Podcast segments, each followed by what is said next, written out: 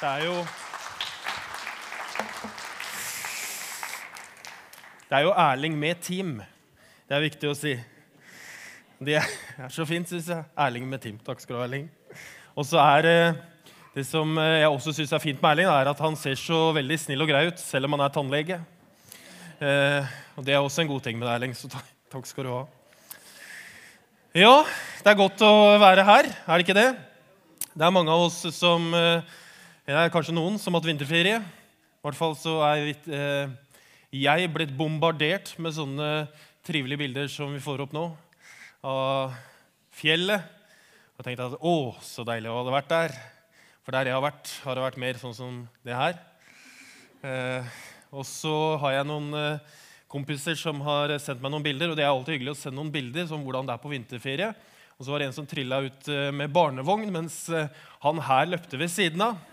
Og så tenker jeg når du står hjemme og vurderer nå skal jeg ut og løpe, hva skal jeg ha på meg? Hansker er viktig. Eh, og lue er ikke så farlig med resten, så lenge du ikke blir kald på hendene. Liksom. Eh, og, så, og, så, fikk jeg et bilde til. Og så her, det er sånn, For vi som har vært i denne situasjonen Det er noen ganger i livet hvor tiden går sakte. Hvor det er liksom sakte film. Du kan kjenne akkurat idet de slipper, at dette går gærent. Nå, nå kommer alle til å stå rundt og le av meg. Så han var her, da. Men eh, dere må gjerne fortsette å sende oss bilder når dere er på vinterferie. Det gjør, eh, gjør ikke noe, det, Benjamin. Eh, vi, bare, vi tar imot de med glede, vi, når det kommer sånne hyggelige bilder. Eh, nå jobber jeg bare på søndag òg, sånn at eh, jeg har jo stort sett fri. Eh, vi er jo inne i serien som heter Egentlig her i Skien misjonskirke, som Inger Elisabeth sa, og hvor vi spør hva vil det egentlig si å følge etter Jesus i 2015. Eh, og For å prøve å svare på det så dykker vi ned i noe som heter bergprekenen, som står i Matteus kapittel 5 til kapittel 7. Ehm, og Der sier Jesus mange steder dere har hørt det sagt, men jeg sier dere. Dere har hørt om sånn og sånn, men jeg sier dere. Dere har eh, lest blogginnleggene, dere har sett hva som står i avisene, dere har sett bildene på Facebook og på Instagram, og dere har sett sånn og sånn, men jeg sier dere. Og så kommer Jesus med et nytt perspektiv. Og, på noen områder, så hele, på mange områder så hever han standarden for hvordan vi eh, kanskje skal leve livene våre, vi som ønsker å følge etter Jesus. Fordi det å følge etter Jesus og tro på han, det er basert på tro, det er basert på nåde, og det er basert på tilgivelse. Som betyr det at hvis vi tror på Jesus, så er vi tilgitt alt det gærne vi har gjort, og alt det gærne vi kommer til å gjøre. Eh, og vi kommer til himmelen når vi har tatt imot Han som Herre og Frelser i livet. Og da er vi liksom på himmelbussen, og så spør vi oss stopper det der. Eller er det noe mer? Er det noe mer som Jesus kaller oss til? Hva vil det egentlig si å følge etter Jesus? Så har vi hatt to uker med forvaltning. Eh, det har vært Linda Anton Johannessen, vår barne- og familiepastor, som har snakka om forvaltning, hvordan vi forvalter tiden vår. Og Sist søndag snakka vi om hvordan vi forvalter pengene våre. Og Hvis du ikke har hørt den talen, så ligger den på skjenmisjonskirke.no. Eh, og den anbefales veldig å lytte til i forhold til økonomi, som er krevende. Eh, så legger vi ut alle våre taler på skjenmisjonskirke.no. Vi har også en sånn podkast, såpass fancy. Så hvis du søker etter Skien misjonskirke i podkast søkegreiene ditt, så får du opp den, og så kommer det automatisk ned. I tillegg da, så er det en ting som vi ikke sier så ofte, men vi har jo en Facebook-side vi har en Facebook-gruppe. Hvis du søker på skjemisjonskirke.no, så kan du bli medlem av vår gruppe. og Der kan du jo legge inn alle mulige ting som du ønsker. Men så har vi også en side som du kan like. og Hvis du liker den siden, så får du ganske oftere oppdatert sånne små ting som skjer. eller når vi legger ut sånne småting. Så det er lurt. Så hvis du ikke liker siden vår på, Facebook, eller hvis du ikke er med i Facebook eh, så hjelper jo ikke, på en måte, men, eh, men, men lik siden vår hvis du er på Facebook. Yes. Det var reklame. Når Linda avslutta sin tale sist søndag, så avslutta hun med bibelverset 'Dere kan ikke eh, tjene både Gud og mammon'. Og så var det sånn at Når Jesus talte, så delte han jo ikke opp talen sin i kapitler og vers. Det er jo vi som har gjort for at det skal være litt enklere å finne fram. Men Jesus går rett fra 'dere kan ikke tjene både Gud og mammon' til å si 'vær ikke bekymret for livet'. Og det er det som er overskriften i dag. Bekymring. For vi bekymrer oss alle på en eller annen måte, mer eller mindre. Det er jo noen som bekymrer seg veldig mye, og så er det noen som bekymrer seg veldig lite. Eh, og så er det noen som bekymrer seg for alle mulige ting som skjer, mens andre liksom plukker ut noen ting som de bekymrer seg for. Og så er det noen som vi tenker burde du ikke bekymre deg litt mer nå? Burde du ikke vært litt mer bekymra? Eh, egentlig. Og så er det noen som sammenligner bekymring med omsorg og setter likhetstegn mellom det å ha omsorg for noen og det å bekymre seg for dem. For man kan på en måte ikke ha omsorg for noen hvis man ikke bekymrer seg for dem. Og så er det jo noen som går gjennom livet tilsynelatende uten en eneste bekymring og bare tenker at det som skjer, det skjer, og hvis det skjer noe, så kan jeg ikke gjøre noe med det likevel, så derfor trenger jeg ikke bekymre meg for det. Det bare skjer. Eh, og så er det noen som bekymrer seg så mye at det blir til grubling. Og jeg er nok i den kategorien der som bekymrer meg såpass mye at jeg eh, Og da ofte over ting som jeg ikke kan gjøre noe med. Men jeg bekymrer meg for å bekymre meg, og så blir det en sånn kvern som går. Eh, og så grubler jeg, og så ligger jeg og tenker på det på kvelden og på natta kanskje. Eh, og bekymrer meg for ting man ikke kan seg, ikke kan gjøre noe med. Og da er jo spørsmålet er det noe vits å bekymre seg da. Hvis det du bekymrer deg for, ikke fører til noe endring, eller du ikke kan gjøre noe med. Det er spørsmålet. Men for noen år siden så bekymra jeg meg såpass mye at jeg gikk til en mentor. Jeg velger å kalle ham det, selv om han var psykolog. En mentor i Porsgrunn nei, i Langesund som heter Knut Halvdan Svendsen. Ja, veldig fin er bildet av nå. Jeg er veldig glad i Knut Halvdan, fordi jeg hadde en, eh, en sånn lederjobb i barnevernet i Porsgrunn kommune. Og da bekymra jeg meg mye. Og jeg lå og tenkte på disse barna. Jeg bekymra meg for de voksne. Jeg bekymra meg for de som jeg hadde ansvar for på jobben. Jeg bekymra meg for min egen sikkerhet og for min families sikkerhet og lå og grubla og grubla og grubla. Og grubla og grubla. Og dere som kjenner til det å gruble, dere vet kanskje tre ting. Det ene er at det hjelper ikke egentlig å gruble. Det gjør deg bare mer sliten. Det gjør deg bare utslett. Fordi grubling det fører til økt grubling. Og så jobba jeg med Knut Halvdan for å komme liksom ut av denne grublebekymringskverna. Og så lærte han meg noen teknikker, og vi fikk liksom orden på det. En teknikk som heter ABC-teknikken, som var veldig fin. Og så anbefalte meg han en bok som jeg har med. Eh, så kan du lure på, Er dette talen, Martin, eller er, er liksom dette forkynnelsen i møtet? Så kan du tenke, nå er vi bare på innledningen. Eh, men han anbefalte meg en bok som heter 'Tankevirus'. Og den er ikke så veldig tjukk. Eh, den er ganske tynn, egentlig. Jeg sier jo at alle bøker er lettleste, og denne er egentlig det. Eh, men jeg har bare tenkt å lese baksiden, så vi er litt sånn i samme båt i forhold til hva vi, tenker, hva hva vi skal snakke om. egentlig. For på bak så står det Én av følgende tre påstander er riktige. A. Vakre mennesker har bedre psykisk helse enn andre. B.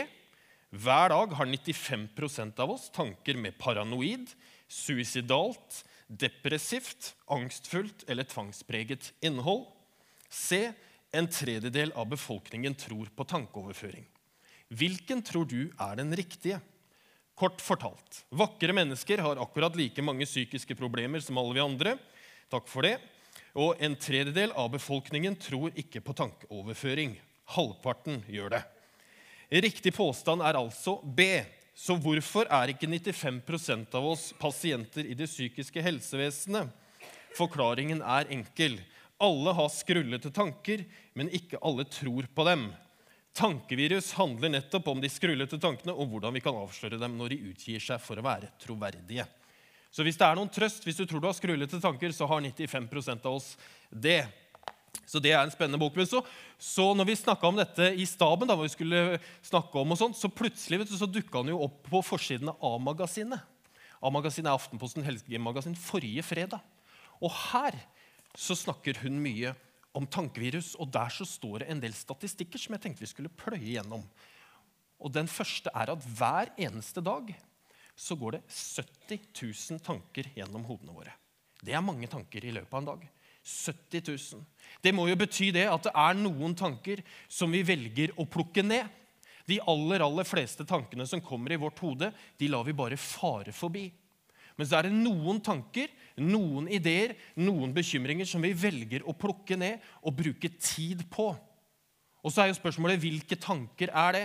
Hvilke ideer og hvilke eh, Og hvorfor plukker vi de ned, og hvorfor bruker vi tid på de? Det er mange. 70 000. Fra 2004 til 2013 så var det en dobling i polikliniske konsultasjoner for voksne i psykiatrien. For barn og unge under 18 år så var det nesten en tredobling. Det er mange. Det er en kjempeøkning. Og i 2013 så var det 1,4 millioner konsultasjoner for voksne og 847 000 for barn. Og I tillegg til det så kommer alle de som, kom, som, eh, som er behandling hos private psykologer med avtale hos de offentlige. Det er 600 000. Det som ikke er med i de tallene, dere, det er de vi betaler selv. De timene, sånn som når jeg gikk hos Knut Halvdan, er ikke med der. Alle de timene som vi ikke får henvist fra, fra offentlige instanser. Det er mange. Og så sto det det at 1,3 millioner timer hos fastlegen dreier seg om psykiske lidelser i 2013. Og at i 2013 så var det 6500 unge, unge mennesker under 18 år, under 19 år som brukte antidepressiva regelmessig. Så kan det høres ikke så veldig mye ut, men når vi vet at det er en økning på 30% på fem år, så er det kjempemange. Så det er noe i vårt samfunn, dere, som ikke er sunt. Det er noe som ikke er sunt. Men hva årsaken til det er, det er ingen som kan peke konkret på. Men at det er noe som ikke er sunt, det er det. Det var en sånn stor ungdataundersøkelse som ble offentliggjort nå i 2015, hvor det står at hvor de har spurt unge mennesker under 18 år. Og da er det tre av ti, altså 30% som i svarene de gir, viser at de har symptomer på angst og depresjon. 30 Det er kjempemange. Det er en mann som heter Roger Hagen, som er førsteamanuensis ved Psykologisk institutt ved NTNU. Jeg tror vi har et bilde på hva han sier. Eh, Benjamin, Han sier at alle, alle tenker negativt.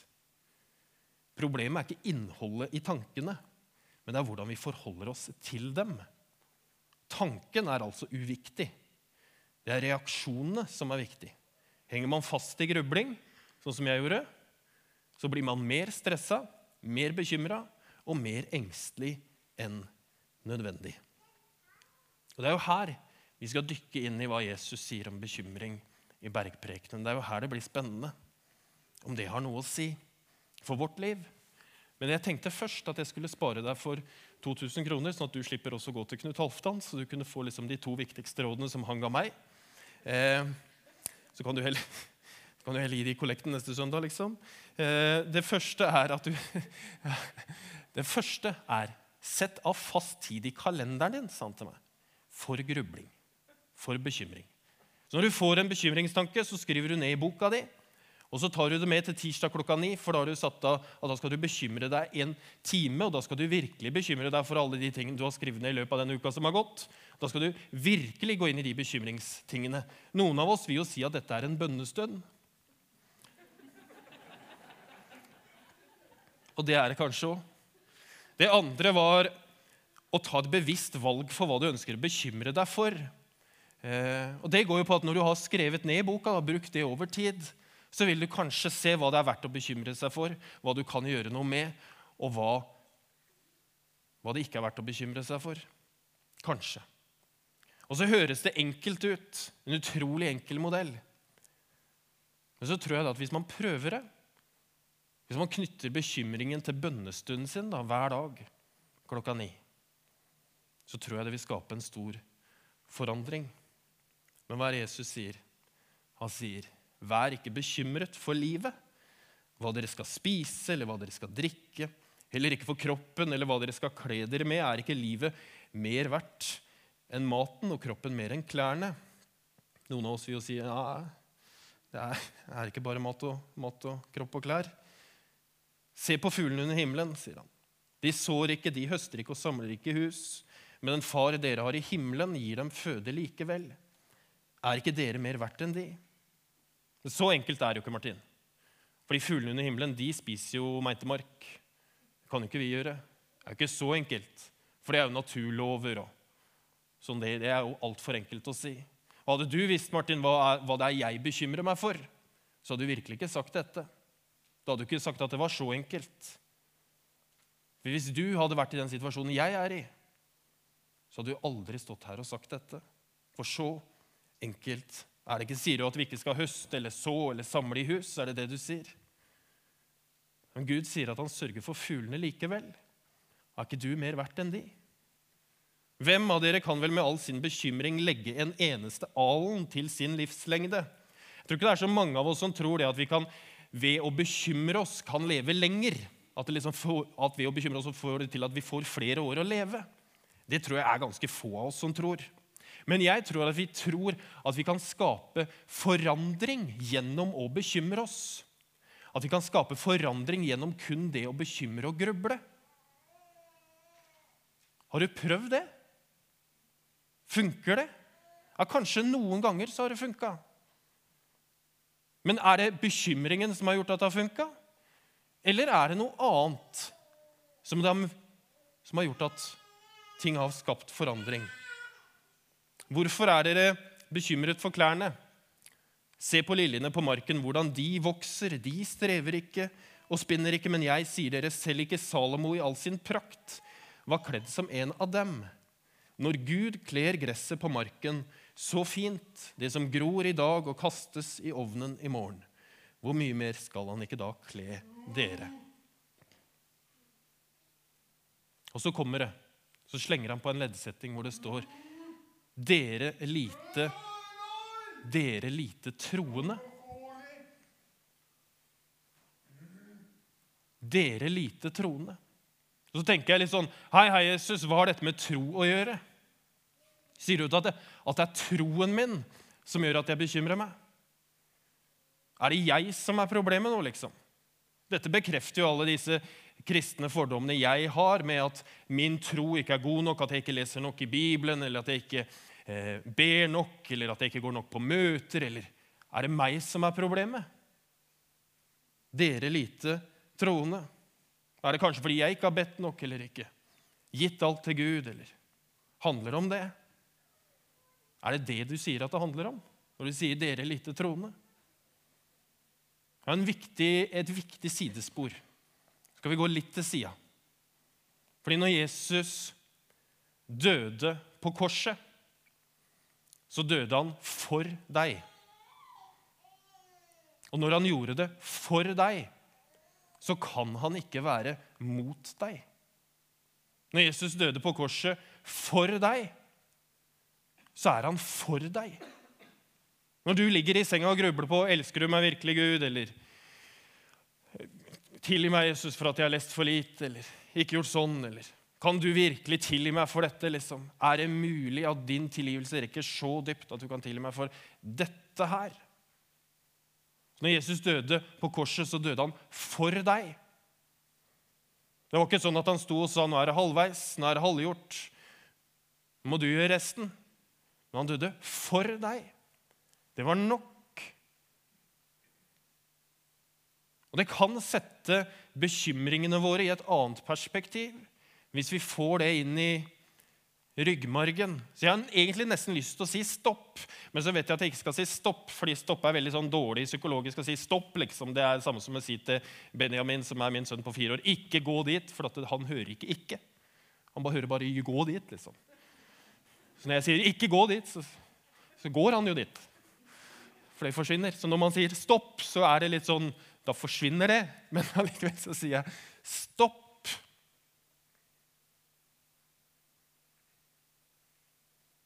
og spør deg selv om du er god nok for Gud. For Gud er for deg, og han døde for deg.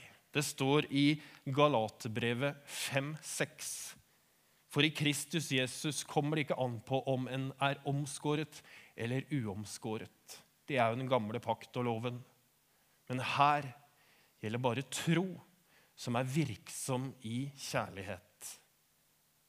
For i Kristus Jesus gjelder bare tro som er virksom i kjærlighet. Så i stedet for å spørre deg selv om du er god nok for Gud, eller om god Gud hører deg, eller om du får nok tilgivelse, eller så spør heller er min tro virksom i kjærlighet. For den troen jeg har, et uttrykk i kjærlighet.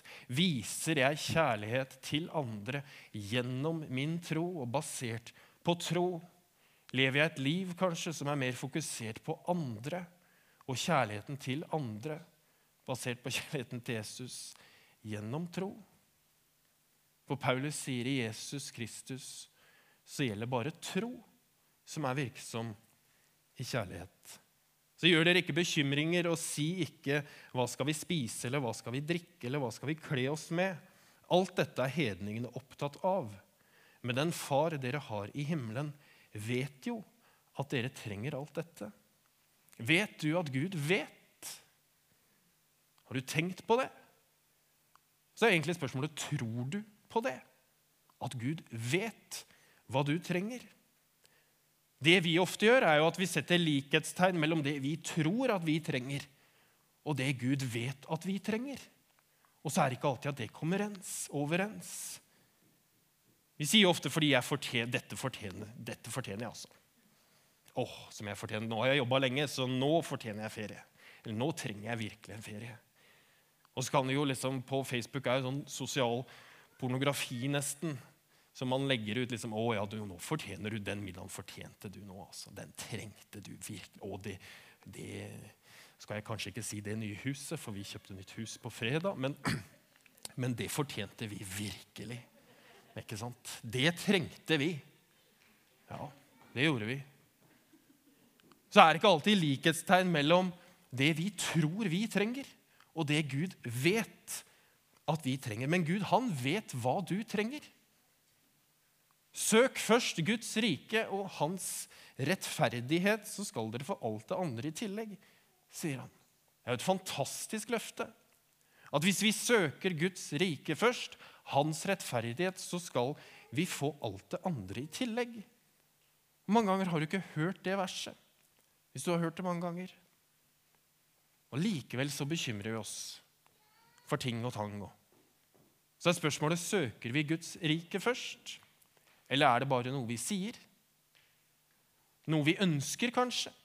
Noe vi gjerne skulle ønske at vi faktisk skulle gjøre, men vi tør ikke gjøre det. Men vi sier til oss selv at vi gjør det. Men gjør vi det egentlig? Ordentlig? Søker vi Guds rike først? Har vi en tro som fører til faktiske gjerninger? En konsekvens? Som at vi søker Hans vilje først? Og tror vi det er sant? Man kan jo ofte tro at når vi søker Guds rike først og hans rettferdighet, så blir vi sendt på første fly til Irak for å misjonere blant IS. Det er, at det er en risiko ved det å tro. En risiko ved det å legge livet sitt i Guds hender. At plutselig så ender vi opp liksom å flytte til Bergen, av alle steder. Hæ? Ja, nei Tenk hvis det skjedde, liksom. At vi måtte det. Tenk hvis vi måtte slå opp med kjæresten eller bytte jobb. eller Tenk hvis det var det Gud kalte oss til. liksom. Det er jo en risiko, er ikke det? Men gjør dere ingen bekymringer for morgendagen, for morgendagen skal bekymre seg for seg selv. Hver dag har nok med sin egen plage, står det på slutten. Grunnen til at jeg dro opp denne tankevirusboka og liksom hun Hanne Brorson og og tankevirus. For jeg tror at det er ikke noe, nødvendigvis noen motsetning mellom det å lytte til gode råd og bruke psykologiens virkemidler og det å ha et aktivt bønneliv og et overgitt liv til Jesus. Tvert imot så tror jeg vi kan lære utrolig mye av de tingene der. Og at vi kan kombinere de med vår tro på Jesus. Så når Knut Halvdan sier til meg bruk, Martin, bruk en fast tid i uka på bekymring, så sier jeg jeg bruker en fast tid hver dag ja, på bekymring. Og så knytter jeg det til bønnelivet mitt og min stille tid med Jesus, hvor jeg øser ut alt som er inni hjertet mitt, alt jeg bekymrer meg for, alt jeg grubler meg for. Og så bruker jeg det. Og så blir det til en overgivelse, til en hengivenhet, hvor Gud og jeg er nær. Gjør dere ingen bekymringer for morgendagen, sier Jesus. Stol på meg, for jeg er med deg. Jeg vil deg bare godt, og jeg er for deg. Du må aldri glemme at jeg er for deg. Jeg er for deg. Jeg er ikke imot deg. Du vet jo ingenting om hva morgendagen bringer, og godt er det, tenker jeg. Godt er det at jeg ikke vet hva morgendagen bringer. Men det jeg vet, det er at Gud er til stede i morgendagen, og han er med meg. Egentlig så handler det om å leve livet sitt i perspektiv av kanskje den mest kjente salmen i eh, Salmenes bok, Salme 23, som vi ofte leser ved begravelser, hvor det står Herren er min hyrde. Han er min hyrde. Du Gud, du er min hyrde. Jeg mangler ikke noe. Fordi du lar meg ligge i grønne enger, og du leder meg til vann der jeg finner hvile. Og du gir meg nytt liv. Du, Jesus, du fører meg på rettferdighetsstier for ditt navns skyld. Og om jeg enn skulle vandre i dødsskyggens dal, så frykter jeg ikke noe vondt, fordi du er med meg. Du er min Herre, du er min hyrde, og du er med meg, Jesus.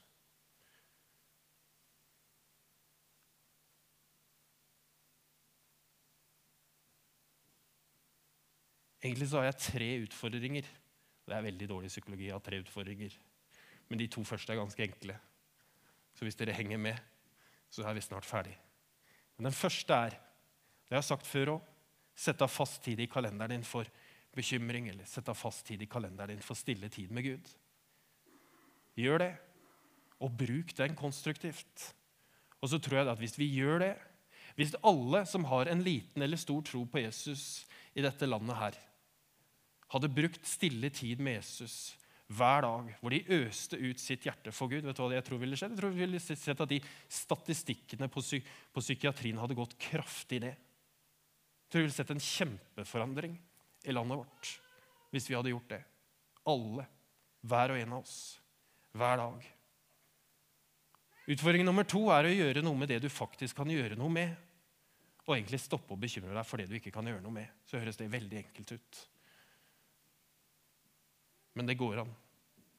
Og Det tredje er at vi lever livene våre med mer fokus på de som er rundt oss, i kjærlighet basert på tro, enn på oss selv. At vi har et større fokus på andre enn på oss selv. Da skal vi be sammen. Herre, takk for at du er her. Takk, Jesus, for at dette kan være et verksted hvor du jobber med hjertene våre. Jesus, jeg aner ikke hvor noe av dette lander hen. Men jeg ber, Herre, om at du skal være nær og komme med din sannhet inn i livene våre. Og så ber jeg, Herre, om at du gjør oss eh, Du gir oss visdom til å vite hva vi skal gjøre med det vi har hørt. Og så ber jeg om at du gir oss mot til å faktisk gjøre det. Det ber jeg om. Så ber jeg, Herre, om at denne stunden kan være en stund nå hvor vi skal lovsynge deg og være i tilbedelse sammen med deg. I Jesu navn. Amen.